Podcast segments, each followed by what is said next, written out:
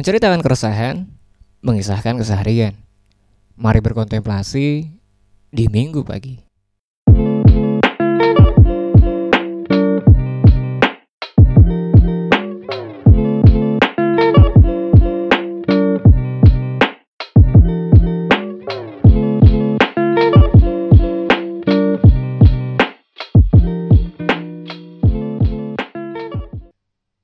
Oke, balik lagi nih di kontemplasi minggu pagi. Ini ada teman gue dulu satu SMA. Sekarang dia eh, ngajar jadi guru ya. Coba boleh kenalan dulu di. Oke, nama gue Dia Anggra ini. Ah, Nah, gue itu lulusan pendidikan matematika UNJ. Gue sekarang profesinya jadi triple profesi sebenarnya sekarang. triple profesi Jadi- maksudnya gimana tuh? Ngajar di Triple, tiga jadi- tempat. Enggak, gue eh, gue pekerjaan utama gue sudah ngajar, ngajar di salah satu SMP swasta di Jakarta. Heeh. Terus pekerjaan keduanya itu jadi editor freelance di penerbit buku Erlangga. Wow, oke, nice. Pekerjaan ketiganya sebagai guru privat yang modern Oh mandir iya, itu sangat sangat fleksibel ya yang ketiga ya. Oke oke. Iya kan kalau dulu gue ngeliatnya mungkin sama beberapa anak-anak kan kalau pas SMA tuh ngeliatnya dia yang paling pinter lah ranking satu terus kan di kelas atau jadi kayak yang paling rajin gini-gini lah. Ketertarikan lo sama matematika tuh mulainya gimana? Sedangkan kan kalau anak-anak biasanya kalau matematika kan kayak males duluan lah. Iya, jadi sebenarnya tuh awal mulanya itu dulu gue SMP tuh gue nggak bisa matematika kan. Nah, terus habis itu uh, pas SMA itu SMA kelas 1 itu kebenaran saat itu dapat guru matematika yang memang gimana ya menurut gue itu gue kesulitan gitu buat be- buat belajar kan. Siapa nih? Cuma di satu Kelas sisi 10 Bu siapa? Eh Pak siapa? Pak Hadi inget nggak? oh iya, iya. Gue gak dapet sih, gue gak pernah dapet itu sih Pak Adi sih Sumpah Bi itu parah banget. gue gak ngerti sama sekali. Oke Dan gue ngerasa gue itu masuk di sekolah yang emang prestasinya nggak terlalu bagus. Iya biasa nggak? aja ya ya akhirnya gue coba belajar dan gue bener-bener nanya tuh sama waktu itu saat itu teman samping gue tuh dia pintar banget waktu itu matematika Oh, Siapa? gue juga belajar dari Desi Oh, Desi. Oh, iya. lu sama Desi sekelas 1 kelas 10 nya? Oke. sama Desi terus sebangku nah terus gue di situ gue termotivasi ah terserah lah gurunya mau kayak gimana pokoknya yang penting gue itu harus bisa Hmm. kewajiban gue belajar ya gue harus bisa buat belajar gitu Hmm. akhirnya di situ gue kepacu gue latihan terus latihan terus lo percaya nggak sih dulu tuh di angkot gue kan pulang sekolah naik angkot di Iya. angkot gue ngerjain LKS matematika dong Pas pas pas balik gitu ya.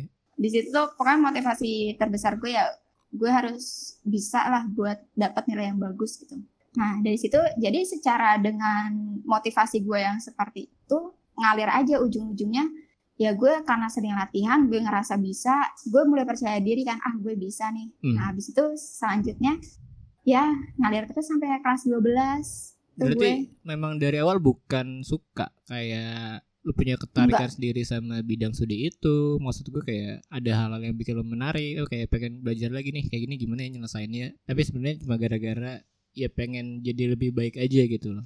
Gitu ya. iya Tapi Hmm. kalau No, dari awal- SD atau SMP gitu biasa aja atau relatif baik atau kayak gimana tuh?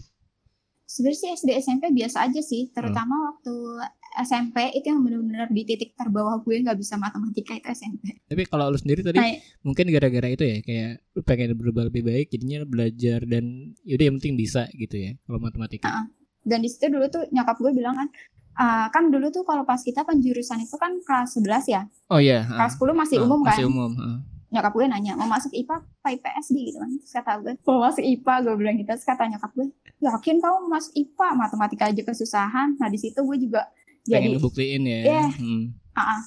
gue harus show off lah gue, gue pasti bisa gitu Dan hasilnya waktu kelas 10 tuh baik. alhamdulillah Oke. Eh, waktu itu gue ingat banget pertama masuk kan ngambil rapat bayangan ya Oh iya iya iya. gue iya, iya. gue peringkat 13 tuh gue shock tuh ih panik gue nah habis itu gue ngambil rapot berikutnya gue peringkat 3 Oke, lumayan ya.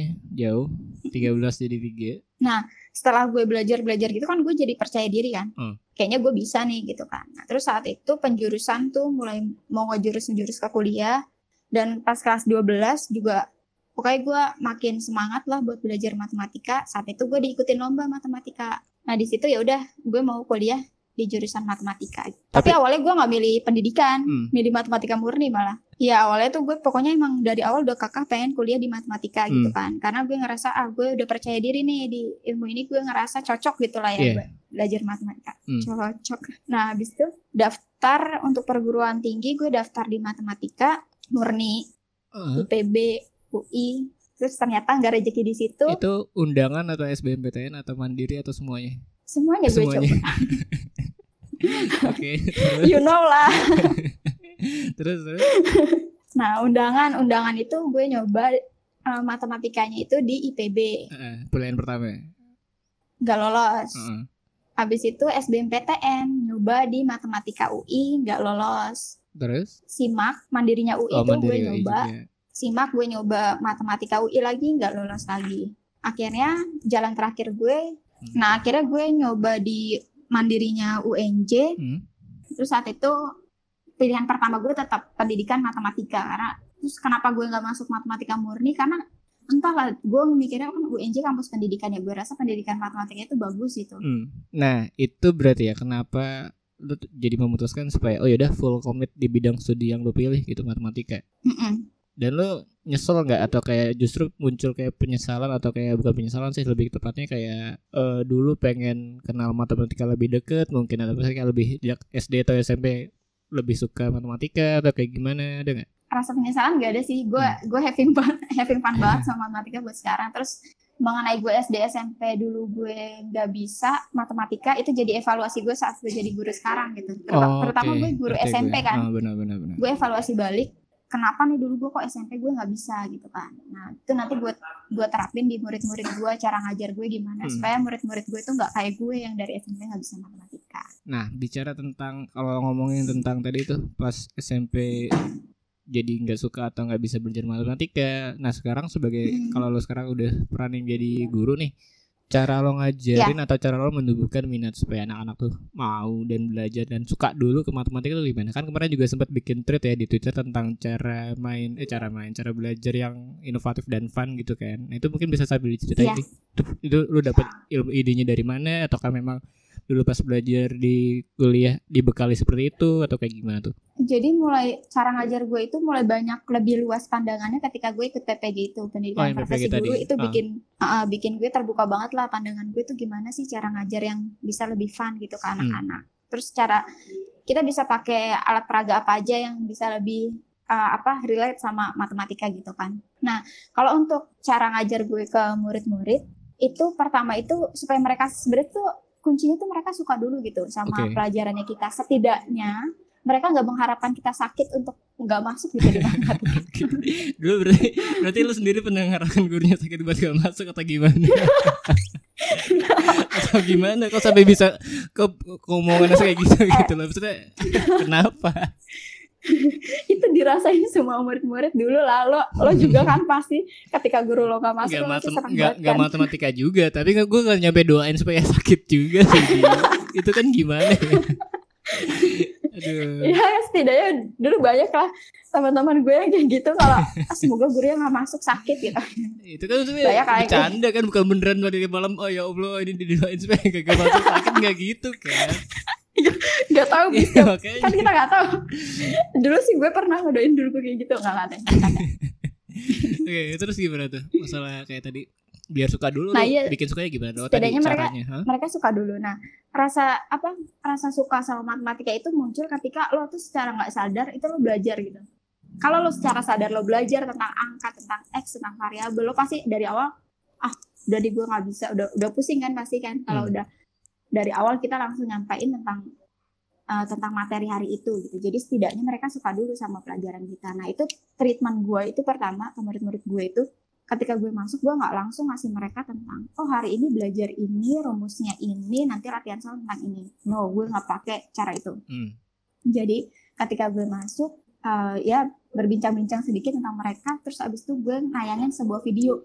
Video, video ini tergantung video animasi terutama sih gue pilih animasi karena siswanya ini kan SMP Iya. Jadi mereka tertarik lah sama animasi gitu kan. Jadi gue cari video di YouTube itu tentang animasi yang kadang ada video yang berhubungan sama materi kita tapi kadang kan ada yang nggak ada juga kan. Iya, oke. iya, jadi bener itu opsional sih ketika ada yang berhubungan sama materi kita gue tampilin itu.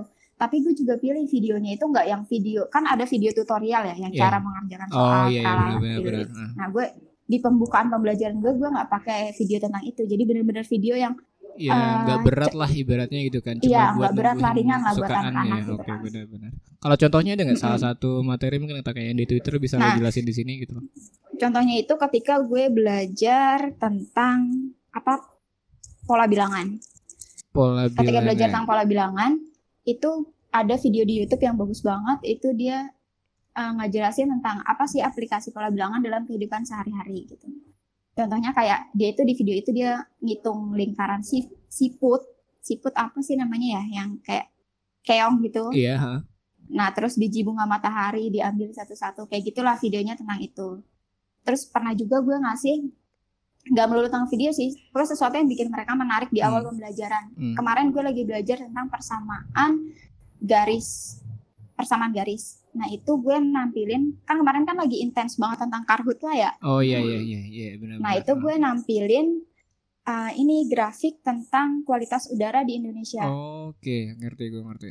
Terus terus? kayak di Riau itu kan Uh-uh. ada grafik warnanya tuh Iya, kayak gimana meskipun murid-murid gue ini belum belajar tentang, Tentang statistik itu, yang cara hmm. membaca data seenggaknya mereka bisa lihat kan dari warnanya Hmm. Ya itu buat mereka interest dulu lah sama materi kita gitu Ya, bikin penasaran gitu ini apaan sih tapi dalam artian yang positif gitu ya. Oke. oke, Iya, ngerti ha-ha. gue. Nah setelah mereka uh, dengan rasa penasarannya mereka pasti mereka nggak mau melewatkan itu kan gitu. Iya, ha, ha. Ya udah kalau udah mereka udah mulai fokus baru kita masuk ke materi secara perlahan. Jadi nggak masuk langsung lokasi rumus lah dikasih contoh soal gitu enggak. Nah kalau kayak gitu berarti lu bentuk ngeevaluasi mereka bisa atau enggaknya gimana tuh? Terkadang kan juga pasti Nah. ada aja tetap aja ya murid yang memang eh, butuh waktu lebih lama dalam belajar mungkin atau ketika apa ngerjain soal juga butuh bantuan ekstra. Nah kalau kayak gitu tuh gimana? Ya benar. Jadi itu kan uh, setelah pasti cara evaluasinya itu kan pertama lewat ulangan harian kan. Iya. sebenarnya sih nggak eh, dari cara mereka nanya ke kita sehari-hari itu juga kelihatan sih sebenarnya kan nih anak ngerti apa enggak gitu. Hmm. Ketika kita ngajar open gitu anak-anaknya mau nanya apa pun Oh, terserah ke oke. kita. Hmm, hmm. Jadi ketika anak nanya jangan pernah judge sekali-kali kok kamu gini aja nggak ngerti itu pasti udah mematikan Benar, motivasi benar tuh anak gitu. benar. Jadi Pas SMA sering nggak? kayak gitu? kalau lu kalau lu mungkin enggak ya karena lu bisa gitu kan tuh mungkin buat yang lain tuh kayak kayak gue juga mungkin pernah atau sempet kayak gitu beberapa kali maksudnya nggak spesifik matematik mungkin tapi yang lain secara umum gitu kan Iya Iya, sih? ha. nah kayak gitu kan benar-benar ya kadang yang kayak gitu kan bikin anak jadi down gitu nggak mau nanya lagi. hmm. Nah, jadi open banget ke mereka kalau mereka mau nanya silahkan. Bahkan ketika latihan di kelas pun kalau mereka mau maju-maju ke meja gue silahkan gitu untuk nanya selama itu masih apa berkaitan sama materi. Nah, kalau misalnya tentang ulangan harian, eh tentang evaluasinya ya, Iya. evaluasinya kan itu kelihatan jelas di ulangan harian. Ini anak oh gimana iya nih nilainya? ah. Terus kalau misalnya dia masih kurang juga pakai sistem remedial, tapi remedialnya kan kalau kita dulu remedial itu kan Yang remet lo dikasih soal yang like tadi berbeda ya, dengan oh. jumlah yang banyak gitu kan. Iya. Nah itu malah bikin tambah pusing ujung-ujungnya remet lagi remet lagi ya pasti. oke nah akhirnya sekarang itu jadi kalau misalnya dia remedial, misalnya nih ada 10 soal, nilainya dia 60. oh yang salah KKM-nya aja dia gitu delapan. ya atau gimana Nah 80. Kalau gue sih lebih prefer gue kasih soal yang benar-benar sejenis dan di situ dia kurang gitu nilainya. hmm, hmm, hmm. jadi nggak harus ngerjain soal sebanyak yang kemarin. Nah setelah remedial itu gue gue panggil anaknya biasanya satu-satu. Supaya Nggak ngertinya di bagian mana. Oh oke, oke. Jadi dia benar-benar gitu paham ya, gitu. benar-benar Kalau- personal iya. pendekatannya terhadap yang kayak gitunya, oke. ah. Iya, ha, jadi persona sih kalau gue gue terbuka ke anak-anak, anak-anaknya juga terbuka ke gue gitu. Kalau mau nanya silahkan, kalau mau remedial ya bahkan gue pernah remedial gue itu gue panggil mereka one one by one gitu anak-anaknya satu-satu. Tapi kalau kayak gitu berarti di sekolah yang sekarang itu memang lingkungannya seperti itu agak fleksibel, misalnya terserah gurunya kayak gitu atau gimana? Kan kalau misalnya dulu kan kita satu kelas juga ada banyak kan ya, jadi mungkin nggak memungkinkan Iya, untuk kayak gitu Nah, iya. atau kayak gimana tuh sebenarnya? Kalau yang di tempat yang sekarang? Sebenarnya penerapan kan balik lagi ke situasi masing-masing ya. Iya. Kebenaran di sekolah gue yang sekarang ini fleksibel dan anak-anaknya juga nggak terlalu banyak gitu. Hmm. Dan gurunya tuh benar-benar dikasih kebebasan buat mengeksplor apa cara belajar cara ngajarnya dia dan Hmm. karena fleksibel ya jadinya gue manggil anak juga enak aja gitu Lu sendiri ngasih apresiasi gak sih ke murid-murid? Misalnya kayak contohnya apa ya?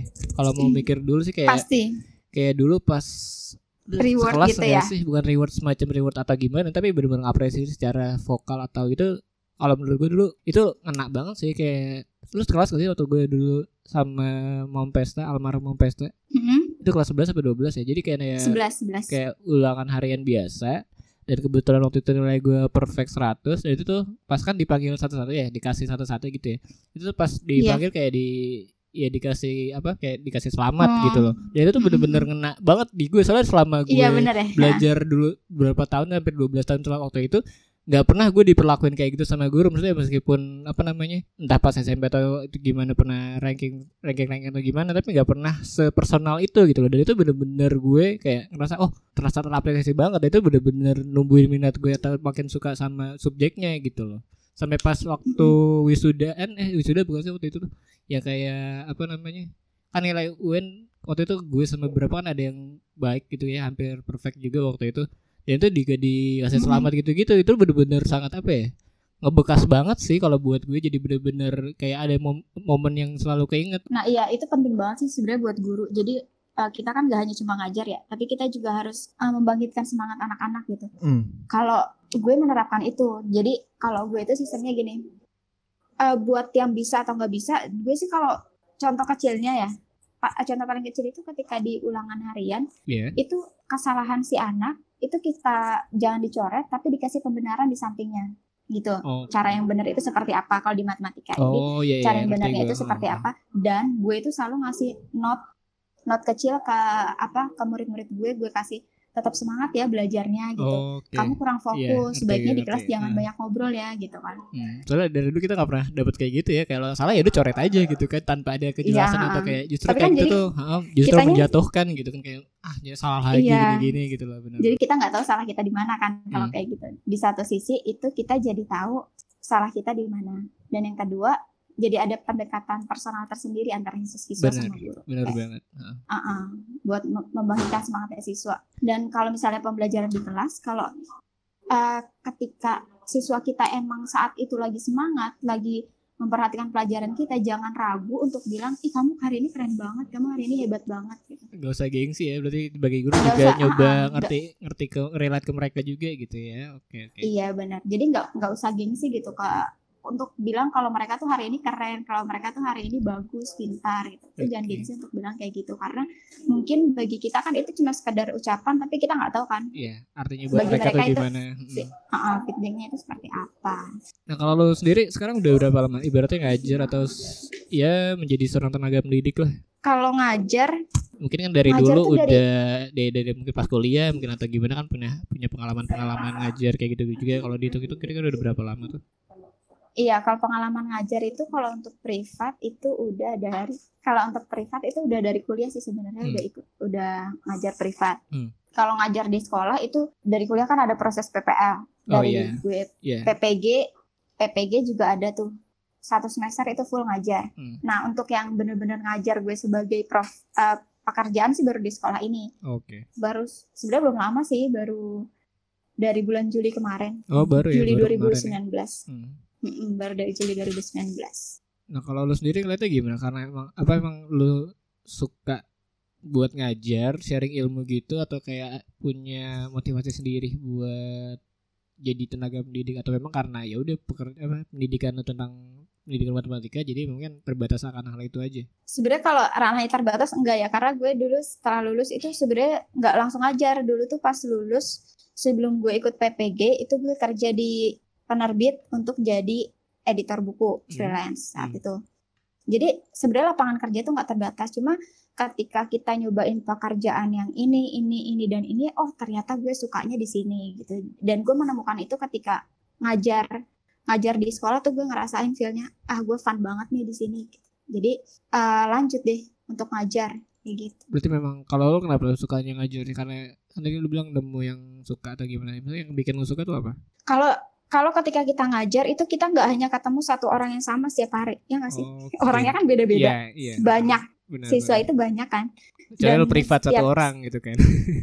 Iya, dan uh, sikap setiap setiap siswa kan beda-beda. Ada aja mu- muncul kelucuan dari anak-anak itu yang Oh, bikin benar. kita tuh Benar, setiap benar. hari selalu fun gitu Iya. kan, nggak yang gue sih ngerasain kerja di kantor itu kan Iya, beda-beda sih benar, ya. Benar, benar. Setiap Heeh.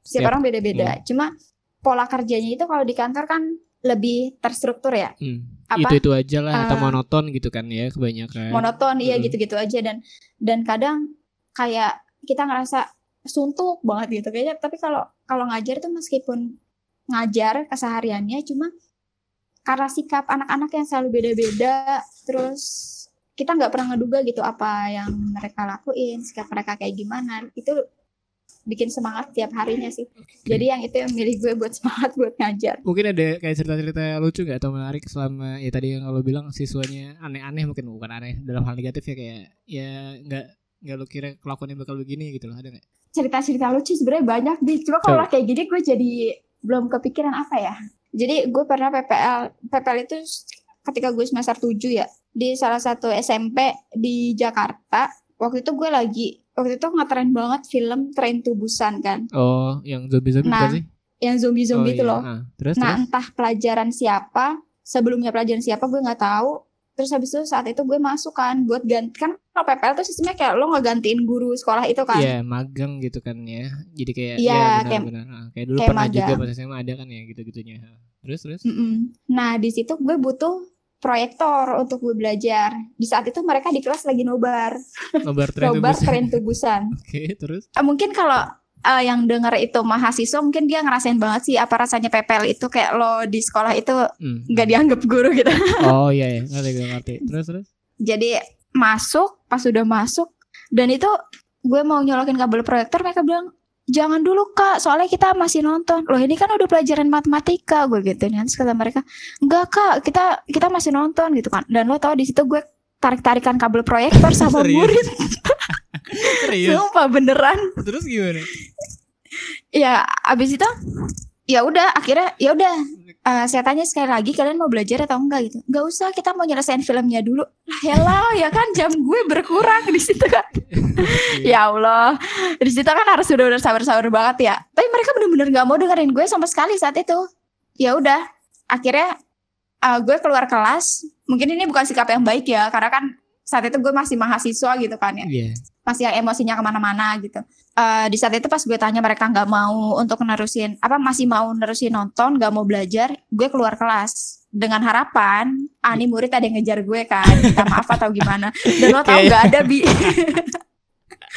nggak di situ nggak ada yang ngejar gue ya udah akhirnya ya dua jam pelajaran Kosong. kosong Iya itu jadi PPL, salah satu evaluasi gitu buat ya. gue juga sih Gimana caranya gue ngajar biar Nauzubillah min zalik dan sampai kejadian kayak gitu terjadi lagi di murid gue nanti. Oke. itu kan kejadian yang menyebalkan ya, Kejadian. yang menyenangkan. Ini ada salah satu anak di sekolah gue yang sekarang Iya. dan dia tuh emang dari dulu dia tuh nggak suka eksak gitu sama sekali. Bahkan orang tuanya tuh sampai dulu dulu nih anak nih sebelum di sekolah gue itu dia sempat homeschooling kan. Oh, oke. Hah? Heeh, dan sampai gonta-ganti guru katanya, gonta-ganti guru matematika untuk nyari yang benar-benar cocokkan nih anak gimana. Hmm. Dan orang tuanya tuh percaya kalau nih anak sebenarnya bisa eksak gitu karena ya pokoknya orang tuanya punya keyakinan seperti itu kan. Dan sebelum-sebelumnya dia bener-bener anti banget sama matematika. Waktu itu hari kedua gue masuk ke kelasnya dia, gue ngajar dan dia akhirnya bilang, Miss, pokoknya mulai sekarang aku seneng banget ya sama matematika gitu gara-gara diajarin sama Miss. Wih, itu Serius? bikin gue terbang melayang. Serius? Serius dia bilang kayak gitu. Dan di situ kelihatan banget sih dia jadi semangat dan nilainya dia sekarang tertinggi di kelas gue. Wow, itu gara-gara apa tuh kira-kira? Karena emang lu pendekatan Ya, karena- tadi atau memang karena apa tuh? Kalau Mungkin karena nih anak eh, apa sih ngerasa nyaman ya belajar sama gue gitu. Sih. Jadi dia bilang kan dia bilang mulai saat ini saya suka belajar matematika miss gitu kan. Dan ternyata orang tuanya juga datang ke gue. Orang tuanya juga bilang miss makasih banyak ya gitu. Itu bikin gue ah senang banget rasanya. gitu. Kalau bahas cerita ya pengalaman-pengalaman selama ini kayak gimana. Nah terus kalau Ya. ke depannya kira-kira gimana tuh? Lu bakal stay di dunia pendidikan sebagai tenaga pengajar atau rencananya kayak ini kan mungkin baru mulai ya tapi kayak panjangnya goals goals ke depannya gitu loh. Jangan panjang. Iya. Eh, goals goals gue itu eh, gue akan stay di dunia pendidikan Hmm, ke depannya gue pengen gue tetap jadi guru yang inovatif sih terutama Oke. Jadi gue pengen lebih ngembangin gimana cara ngajar eh gimana cara ngasih materi ke mereka yang fun yang menyenangkan gitu tanpa harus mereka bosan dan jangka terbesarnya itu gue pengennya sebenarnya gue pengen bisa jadi penulis buku juga jadi Supaya? sekaligus supaya kan kalau gue ngajar ilmu gue cuma ada di kelas kan Oh, cuma iya. ketika gue bisa nulis buku insya Allah ilmu gue bisa nyebar ke, ke apa yang lain gitu yang mungkin enggak Oke. Iya ngerti gue ngerti ngerti ngerti. yang bisa mungkin lebih bermanfaat gitu ilmu gue Nah kalau bicara masalah inovatif, komentar lo terhadap Pak Nadim dijadiin Menteri Pendidikan dan Kebudayaan gimana tuh? Apakah optimis atau gimana ngelihatnya gitu loh? Ah, kalau Pak Nadiem sebagai Menteri Pendidikan ya, Iya. mungkin sih gue gue nggak tahu apa gue nggak berhak menjudge nanti dia ke depannya gimana. Cuma mungkin gue bisa ngasih saran kali ya, Oke. Ah, bisa ngasih saran untuk ke depannya itu boleh kita mengutamakan misalnya kan beliau tuh ahli di bidang teknologi gitu ya. Boleh Iya. nggak? Heeh. Mengutamakan teknologi di bidang pendidikan itu bagus banget buat buat bisa inovatif juga untuk hal-hal kecil yang memang harus diselesaikan dulu gitu. Yang Selain- fundamentalnya ya, benar-benar. Hal-hal yang emang benar-benar penting selain daripada pengembangan inovatif itu sendiri. Itu menurut gue kayak gitu. Contohnya kayak misalnya hal terpentingnya itu Gaji guru apa gimana? ah, ha iya benar banget dong.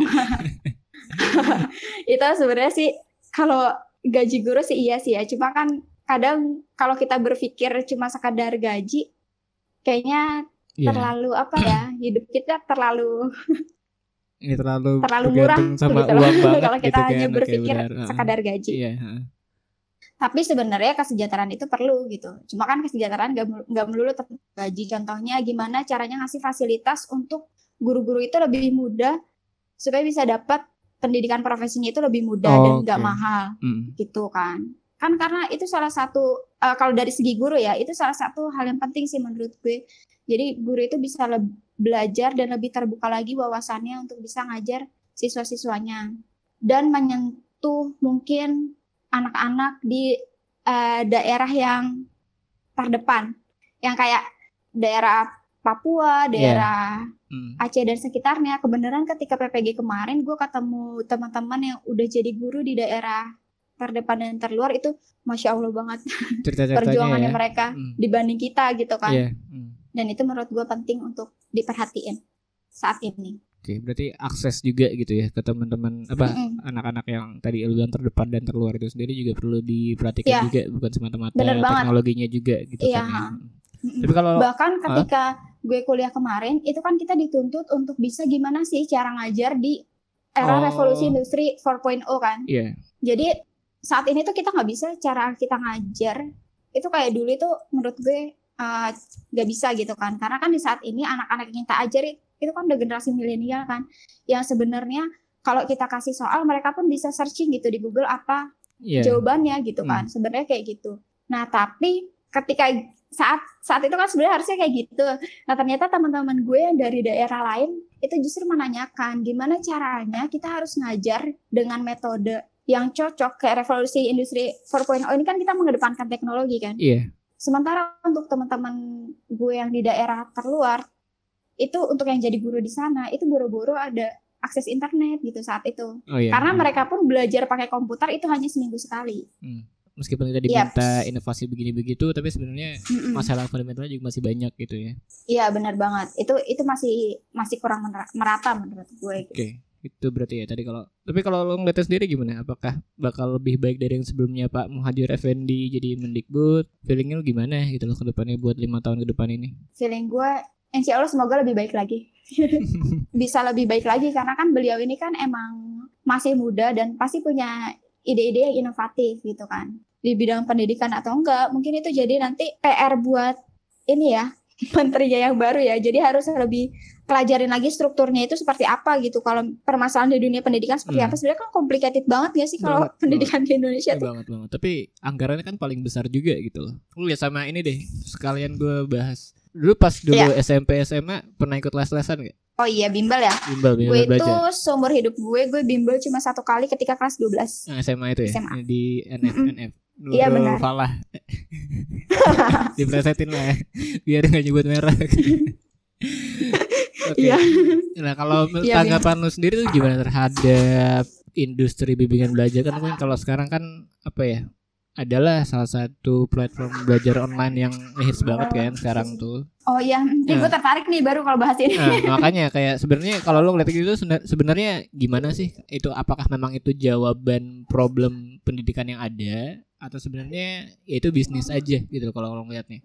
Gue bukannya bermaksud mendownplay eh, industri-industri apa namanya bimbingan belajar, soalnya gue juga terbantu sama yang pakai voucher-voucher tuh dulu yang kita itu terus bisa Oh, dapat iya. video-video itu gue bener-bener terbantu Em. banget tanpa belajar sama guru karena gue juga dulu malas gitu belajar satu bidang tertentu karena emang gurunya nggak asik atau gimana gue jadi eh, apa namanya eh, cara belajarnya ya udah sama yang inovatif dan bener-bener ngebantu gitu loh tapi kan kalau lo ngeliat sendiri dari sebagai tenaga pendidik itu kayak gimana sebenarnya Kalau gue bimbingan belajar ya terutama yang bimbingan belajar yang lagi tren sekarang kayak bimbingan belajar elektronik gitu ya Iya. berbasis elektronik itu bagi gue itu keren sih itu salah satu inovasi di dunia pendidikan yang menurut gue bagus lah gitu itu bisa jadi salah satu uh, fasilitas bagi siswa buat bisa memahamin ilmu yang dia dapat Hmm. menurut gue itu bagus sebenarnya buat anak-anak di di daerah perkotaan ya yang emang bisa menjangkau kayak gitu. Iya. Terus tapi kalau bim- bimbingan belajar kayak kita harus datang ke bimbelnya itu menurut gue bagus juga. kan kadang kan setiap anak itu oh beda ya pendekatannya kemampuan yang Hmm, hmm, hmm. berbeda-beda Hmm, gitu kan. ada yang harus sama guru Sementara- sama ada orangnya langsung gitu kan Ha, benar-benar Iya, jadi kalau bimbingan belajar itu disesuaikan dengan kebutuhan dan karakter siswanya itu seperti apa. Kadang Hmm. ada anak yang emang dia itu nggak bisa belajar bareng-bareng, ya kan? Iya. Ada anak yang emang dia belajar itu harus private, so orang tuanya harus milih bimbingan belajar yang dia private atau eh, bimbingan belajar yang elektronik. Iya. Hmm. Ada juga anak yang nggak bisa belajar itu kalau nggak diajarin secara langsung. Iya benar. Gitu kan. Hmm, hmm, So orang tuanya harus milih dia masuk ke bimbel biasa. hmm. Gitu itu nah ah, itu nanti balik lagi ke orang tua mahamin gimana karakter si anaknya. Tapi kalau dari segi pengajaran itu menurut gue itu eh, di satu sisi lumayan membantu guru karena kan guru itu Oh, dalam iya. satu kelas harus ngajar sama rata meskipun dengan kemampuan siswa yang beda-beda gitu Hmm. kan. Hmm. Tapi kan eh, dalam jam pelajaran yang misalnya hanya dua jam pelajaran, guru itu Nggak juga nggak bisa langsung Hmm. menjangkau kan, Iya benar. menjangkau kemampuan setiap siswa supaya kemampuan siswanya itu sama. Jadi dia butuh pembela- eh, butuh pelajaran tambahan di luar, contohnya yaitu melalui bimbel. Jadi lu sebagai guru ngerasa terbantu dengan adanya industri bimbingan Iya. belajar gitu ya. Tapi gua eh nanyanya gini sih. Jadi kayak apa ya? Jadi sebenarnya apakah sistem belajar yang memang sudah dibuat oleh pemerintah atau kayak yang terjadi sekarang itu kurang tepat sehingga murid-murid tuh harus bergantung terhadap bimbingan belajar tambahan supaya mereka bisa mengakomodir atau kayak mencukupi kebutuhan belajarnya gitu loh. Ngerti nggak maksud gue? Apakah kita harus benar-benar kalau Um. pengen bisa paham suatu materi itu memang harus sekalian tambah bimbel atau sebenarnya itu suatu bentuk eh, kurang baiknya atau kurang optimalnya sistem pendidikan yang ada di sekolah yang tidak bisa mengakomodir semuanya gitu loh. Iya. Nah, kalau menurut gue itu balik lagi tergantung si siswanya ini gimana kebutuhannya gitu kan dan situasi di sekolahnya seperti apa. Contoh kalau misalnya di sekolahnya itu udah menyediakan konseling buat anaknya kayak contohnya anaknya bisa datang kapan pun Hmm. buat belajar ke gurunya, it's okay nggak usah pakai bimbel gitu. Tapi kalau misalnya di beberapa sekolah yang emang uh, gurunya nggak, bukan gurunya ya, maksudnya uh, dia siswanya itu nggak bisa langsung bertanya langsung ke gurunya tentang materi yang dia nggak ngerti dan dia pun bingung mau nyari sumber ke mana, ya salah satu salah satu alternatifnya bimbel. Baik lagi kalau ke sistem pendidikan kita ya. Iya. Sebenarnya kalau ke sistem pendidikan kita itu sebenarnya materi itu udah udah padat gitu loh diajarkan di sekolah. Hmm. Kayak matematika udah berapa jam pelajaran tuh. Kalau di sekolah gue sih satu minggu itu 6 jam pelajaran itu matematika. Dan dengan materi yang padat harapannya siswanya itu udah nggak butuh lagi bimbel kayak gitu kan harapannya. Hmm. Tapi pada kenyataannya setiap siswa punya kebutuhan yang beda-beda. Ada kadang siswanya itu nggak bisa ngikutin speed temennya atau kadang kemauan orang tuanya yang maunya anaknya bisa dapat proses pencapaian yang lebih ya mau nggak eh, ya bimbel jadi salah satu pilihan gitu bagi mereka. Nah sebenarnya sih kalau misalnya setiap anak itu kan punya passion yang beda-beda Hmm. dia nggak bisa di matematika, mungkin dia bisa di pelajaran lain gitu kan. Iya. Cuma kadang eh, dari segi orang tua maunya anaknya itu pintar di segala bidang. Iya benar banget dan ini Gitu. jadi bukan concern gue sih jadi sudut pandang gue yang mau gue tanyain jadi kayak gini dari segi sebagai siswanya lo ngerasa terbebanin gak sih dari dulu? Mungkin kayak punya pressure sendiri harus pinter harus ranking harus bisa menilainya sekian harus pinter matematika. Ibaratnya kalau mau dibilang pinter kan kadang-kadang korelasi sama yang eksak eksakta gitu kan. Iya gak sih? Mm-mm, Nah, bener. itu jadi kayak apa ya? Gue gak ngerti kalau lu sebagai guru ataupun teman-teman di tenaga pendidik lainnya gimana tapi perlu nggak sih kita harus ngerti sejauh sebanyak itu materi yang dibuat atau di apa namanya dikasih sama kurikulum tertentu? Misalnya kalau kelas SMP terus bisa ini ini ini. Sampai yang kemarin dibahas tuh yang di Twitter tuh kan gue bercandain kayak sebenarnya sistem persamaan linear dua variabel tuh kepake nggak sih ketika kita hidup gitu loh apakah ketika beli somai itu kepake gitu loh maksud gue kayak gitu gitu sebenarnya Itu ya, ya. SPLDV beli somai. iya Iya, kayak gitu sebenarnya kepake gak sih kalau misalnya di kehidupannya tuh bener-bener Hmm. ngefek ke apa namanya bukan bukan practical use juga itu kan kayak analytical use sebenarnya kepake supaya kita lebih aware bak- kemampuan berpikirnya meningkat atau gimana gitu.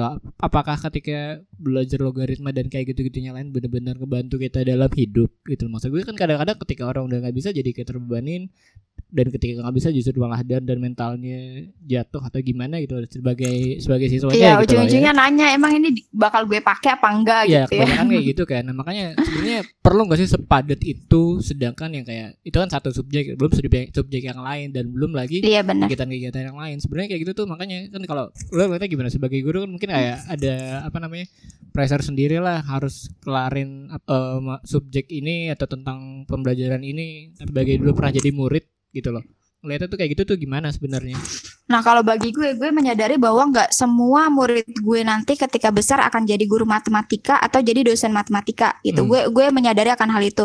Jadi uh, target gue itu setidaknya guru uh, murid gue itu bisa memenuhi kompetensi dasar yang emang dituntut sama pemerintah. Jadi kan sebenarnya kita tuh ngajar itu kan udah ada kurikulumnya ya. Iya, Udah ada ah, iya. kompetensi dasar apa sih yang harus kita ajarin gitu kan.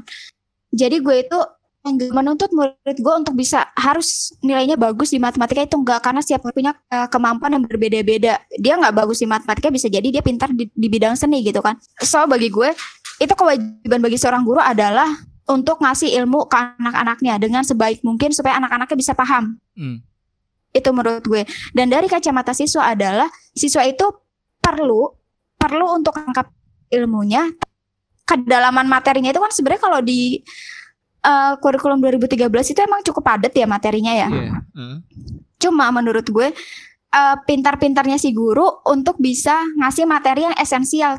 Toh nanti mereka akan dinilai di apa di UN gitu kan. Nah, Sementara ah. di UN itu materi yang keluar itu nggak semua yang ada di buku itu dikeluarkan di UN gitu menurut gue. Jadi gurunya itu harus pintar untuk memilih materi esensial untuk siswanya. Nah, kalau balik lagi dari individu siswanya, bagi gue setidaknya si siswa itu bisa untuk memenuhi kompetensi dasar. Misalnya ah, dia itu setidaknya dia bisa lah ngitung cara nyari sisi miring suatu Pitagoras itu seperti apa. Paling enggak nanti nilai uh, ulangan hariannya kalau misalnya kakaknya 78 ya 80 atau enggak 79 itu alhamdulillah. Nggak perlu dituntut sampai 90 atau 100 menurut gue kayak gitu.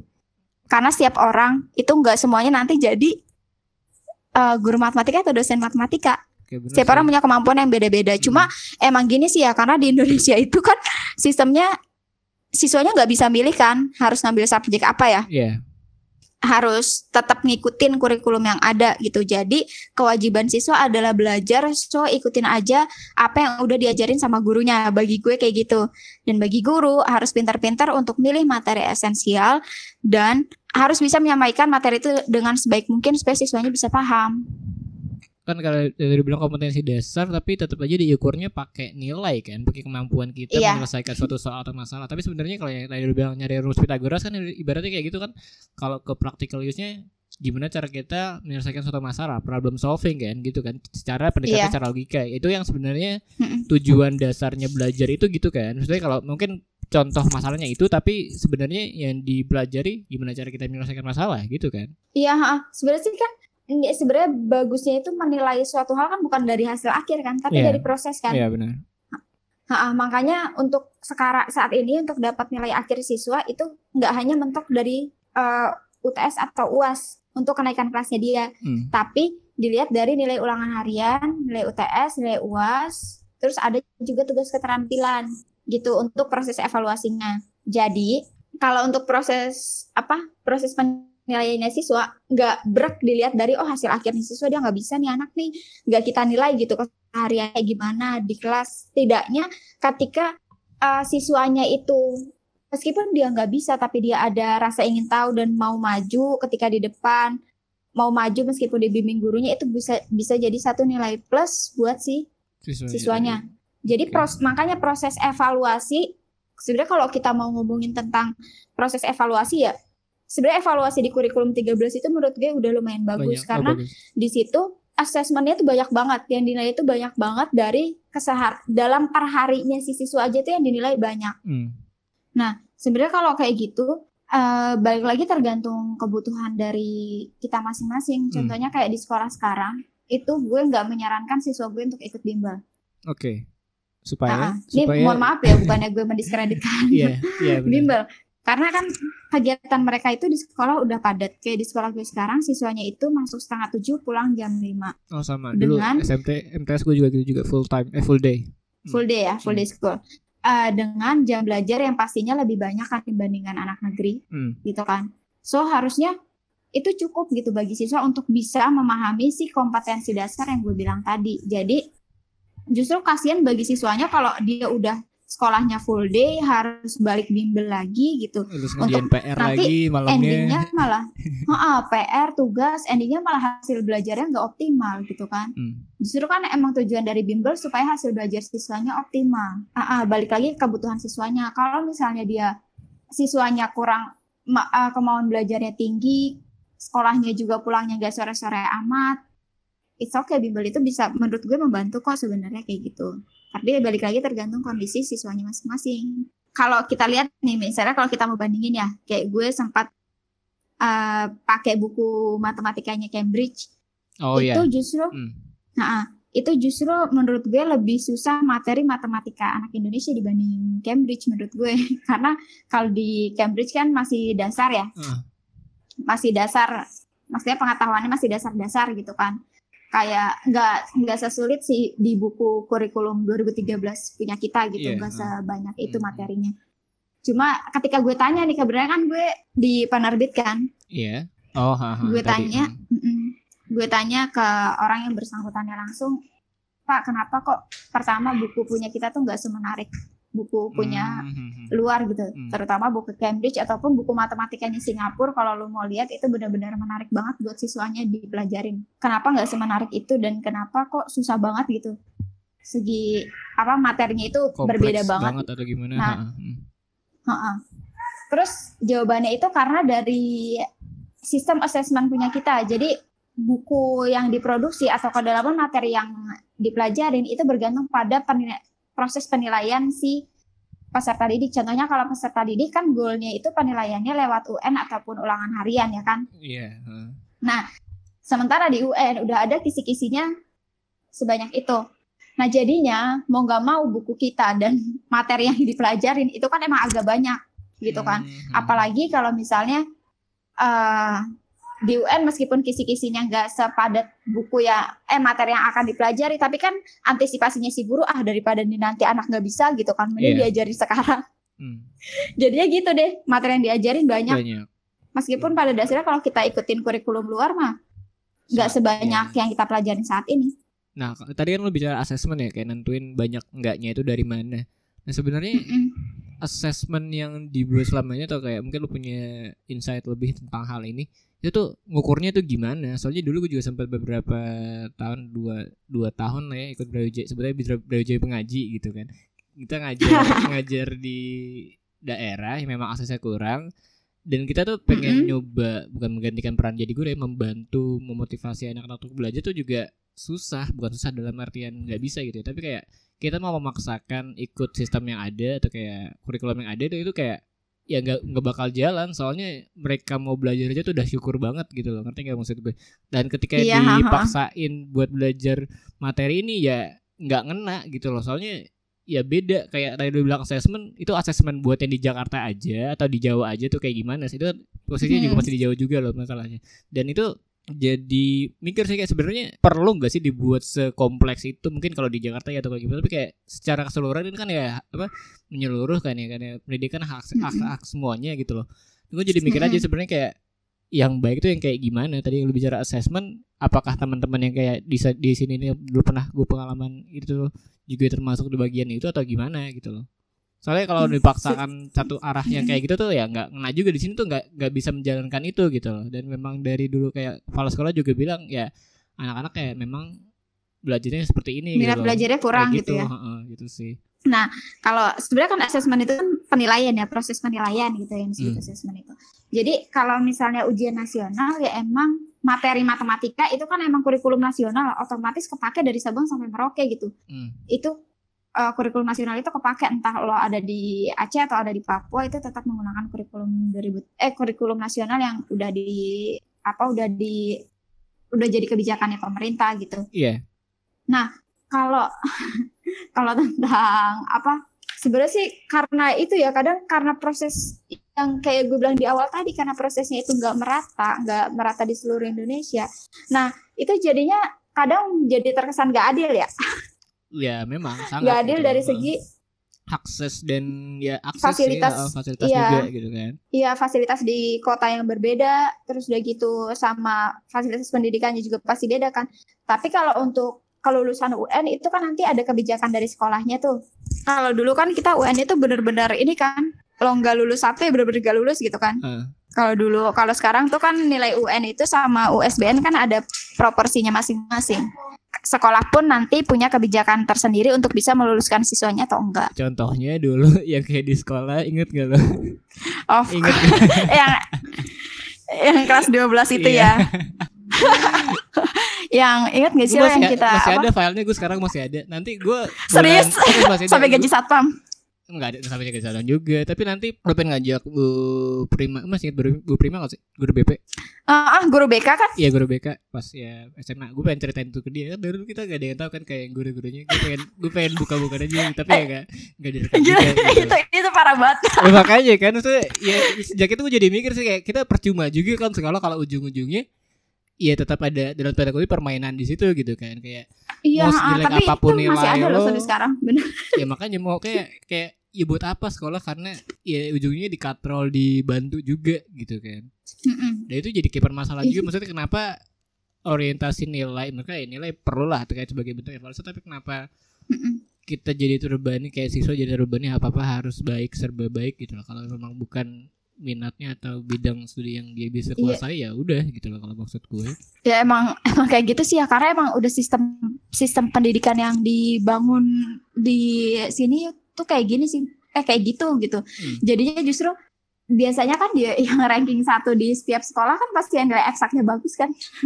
ya usually karena memang Iya kayak gitu. Jadinya emang nggak apa ya harus terfokus sama kognitif kognitif lagi balik balik balik lagi kayak gitu. lalu sendiri sebagai eh, tenaga pendidik rasanya sudah difasilitasi dengan baik belum sih dari program pem- pemerintah ataupun ya dari institusi yang lu sekarang ada di situ gitu loh maksud Eh, kalau gue itu merasa terbekali ketika ikut PPG kemarin. Hmm. pendidikan profesi guru kemarin itu bener-bener banget ngerasa apa ya ngerasa terbuka pandangannya itu tentang cara pembelajaran yang inovatif itu kayak gimana. Itu menurut gue lebih terbekalinya sih di saat itu gitu.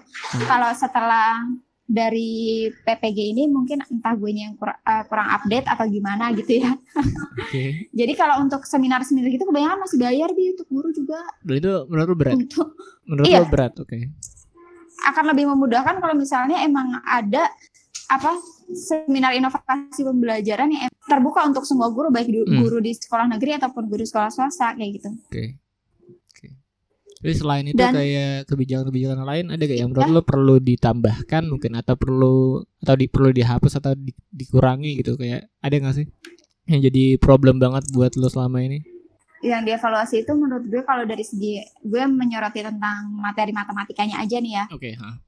itu mungkin ketika apa pemerintah itu lebih lebih memperhatikan lagi sebenarnya materi esensial untuk tingkatan anak-anak usia misalnya SMP itu seperti apa gitu materinya jadi dan uh, lebih baiknya lagi ketika mem uh, pemerintah memproduksi buku kan jadi buku dari pemerintah kan memang harus dipakai kan di setiap yeah. sekolah kan mm.